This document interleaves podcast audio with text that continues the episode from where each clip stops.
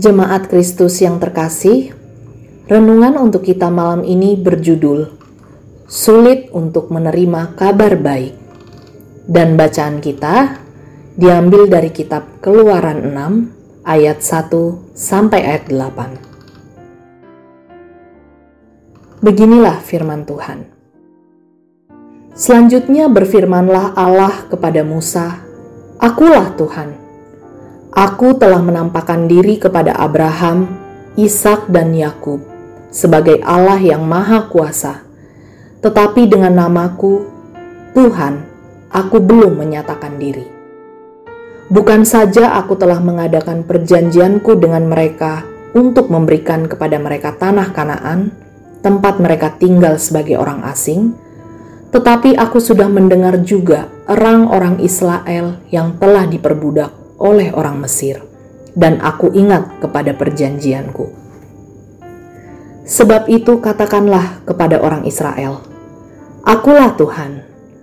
Aku akan membebaskan kamu dari kerja paksa orang Mesir, melepaskan kamu dari perbudakan mereka, dan menebus kamu dengan tangan yang teracung dan dengan hukuman-hukuman yang berat Aku akan mengangkat kamu menjadi umatku, dan aku akan menjadi Allahmu, supaya kamu mengetahui bahwa akulah Tuhan Allahmu yang membebaskan kamu dari kerja paksa orang Mesir.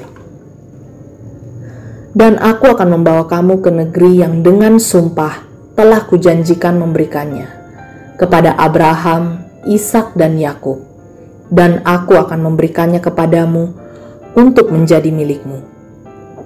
Akulah Tuhan.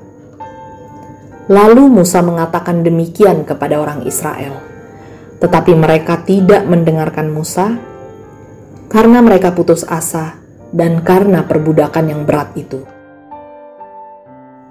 Tanpa sadar, kita tidak memiliki kepekaan dalam menemani seseorang yang sedang bergumul Ketidakpekaan itu misalnya saat kita tidak berhasil membaca ketakutan, kekhawatiran, ataupun hal-hal negatif yang dirasakan oleh orang tersebut. Sehingga apa yang kita katakan seakan-akan mental begitu saja tanpa berdampak apa-apa. Lalu kita kesal dengan orang tersebut. Padahal itu terjadi karena orang tersebut sedang tidak dapat berpikir dengan jernih tentang masa depannya bukan karena menolak perkataan dan pertolongan kita. Hal ini juga terjadi kepada bangsa Israel yang menolak dan tidak percaya akan perkataan Musa.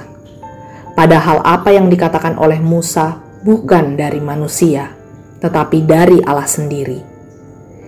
Ini menjadi wajar karena mereka dalam situasi yang sangat berat, sehingga fokus mereka saat itu hanya tentang bagaimana bertahan agar tetap hidup Agaknya apa yang dikatakan Musa tidak logis dan tidak mungkin terjadi.